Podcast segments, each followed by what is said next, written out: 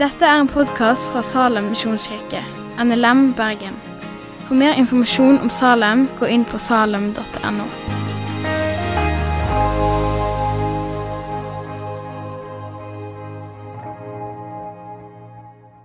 Vi skal starte med å lese fra søndagens tekst sammen, og vi leser fra Johannes 8, vers 2-11. Tidlig om morgenen kom han igjen til tempelet. Folkemengden samlet seg om ham. Han satte seg og lærte dem. De skriftlærde og fariseerne førte da til ham en kvinne som var grepet i hor, og de stilte henne fram for ham. Og de sa til ham, Mester, denne kvinnen er grepet på fersk gjerning i hor. I loven har Moses påbudt oss at slike kvinner skal steines. Hva sier nå du? Dette sa de for å sette ham på prøve, så de kunne ha noe å anklage ham for. Men Jesus bøyde seg ned og skrev med fingeren på jorden.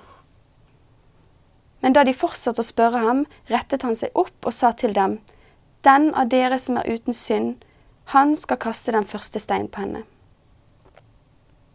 Så bøyde han seg ned igjen og skrev på jorden. Men da de hørte dette, gikk de bort én etter én, de eldste først. Jesus ble alene tilbake med kvinnen som sto der. Da rettet Jesus seg opp og sa til henne, Kvinne, hvor er De? Har ingen fordømt deg? Hun sa, Ingen, Herre. Og Jesus sa, Heller ikke jeg fordømmer deg. Gå bort og synd ikke mer. Dette er en bibeltekst jeg synes det er sterk å lese. Og Vi skal se litt nærmere på det som skjedde her. For mens Jesus er opptatt med å undervise folkemengden i tempelet, så kommer de skriftlærde og fariseerne med en kvinne som er blitt grepet i hor. Og De fører henne fram og sier til Jesus at hun skal steines, sånn som Moseloven påbyr. Og Vi vet ikke noe særlig om denne kvinnen, annet enn at hun har blitt grepet på ferskgjerning. Men hun benekter ikke det hun blir anklaget for, så alt tyder på at hun faktisk var skyldig. Og Jeg kan ikke se for meg at dette her har skjedd i all stillhet. Folk rundt må jo ha sett dette. Hva kan hun ha tenkt i denne situasjonen? Var hun likegyldig til det hele? Følte hun på en skam? Var hun redd? Var dette første gang, eller var dette noe som gjenspeilet livsstilen hennes? Dette står det ikke noe om i denne teksten, og vi leser heller ingenting om at kvinnen prøvde å stikke av fra situasjonen. Hun forblir taus. Og Vi kan òg på en måte få et lite innblikk i disse skriftleddes onde hensikter her. For Det står at de spurte om hva Jesus tenkte om denne saken. Og de gjorde dette for å sette ham på prøve, så de kunne få noe å anklage ham for. Og dette var jo ikke første gang de forsøkte å sette Jesus på prøve. Dette er jo noe de har prøvd å gjøre på mange ulike måter. Enten ved å stille vanskelige spørsmål, eller at de utfordret Jesus overfor ulike dilemmaer. Og I denne situasjonen så ga de Jesus et dilemma. For hvis Jesus svarte nei til steiningen, så ville de kunne anklage ham for å ikke adlyde loven. Og hvis han svarte ja, så ville de kunne anmelde ham til de romerske myndighetene, som ikke tillot at folket lynsjet noen. For eksempel så steinet ikke fariserene Jesus sjøl, selv, selv om de mente at de hadde rett til det. Men de fikk han dømt og korsfestet av romerne. Og Vi kan se hvordan Jesus svarer på dilemmaet deres. For han bekrefter jo at ja, hun er skyldig, og som en synder så fortjener hun egentlig å dø. Men den som har rett til å utføre dommen, er den som sjøl er uten synd. Så Jesus han avvæpner de og sier helt konkret den av dere som er uten synd, kan kaste den første stein på henne. Og Jesus sitt svar det appellerer òg til disse mennenes samvittighet. Han får dem til å bli bevisst på sine egne synder. Og hvis de ønsker å dømme kvinnen for det hun har gjort, så risikerer jo de sjøl å bli dømt for det de har gjort. Og videre i teksten så står det at da gikk de bort, den ene etter den andre. Først de eldste. Og man kan jo undre seg over hvorfor var det viktig å få frem at de eldste gikk først. Kanskje dette har noe med at de som har levd et lengre liv, forsto gjerne best at her kunne ikke de strekke til. Kanskje de hadde mest selvinnsikt, siden de hadde levd et lengre liv. Her vet vi ikke svaret, men helt til slutt så kunne ingen av de si at de var uten synd. Og så, når alle har gått bort, så snakker Jesus med kvinnen. Og nå ser han på kvinnen og sier, heller ikke jeg fordømmer deg. Gå bort og synd ikke mer. Det interessante i denne teksten er at vi kan se hvordan Jesus møter mennesker på forskjellige måter. For her viser Jesus to handlinger, eller holdninger, om vi kan si det sånn. For på den ene siden så i han, kommer han denne kvinnen som åpenbart er en synder, og han sier ikke at det ikke er så farlig, det hun har gjort. Og han overser ikke synden, men han fordømmer hun ikke.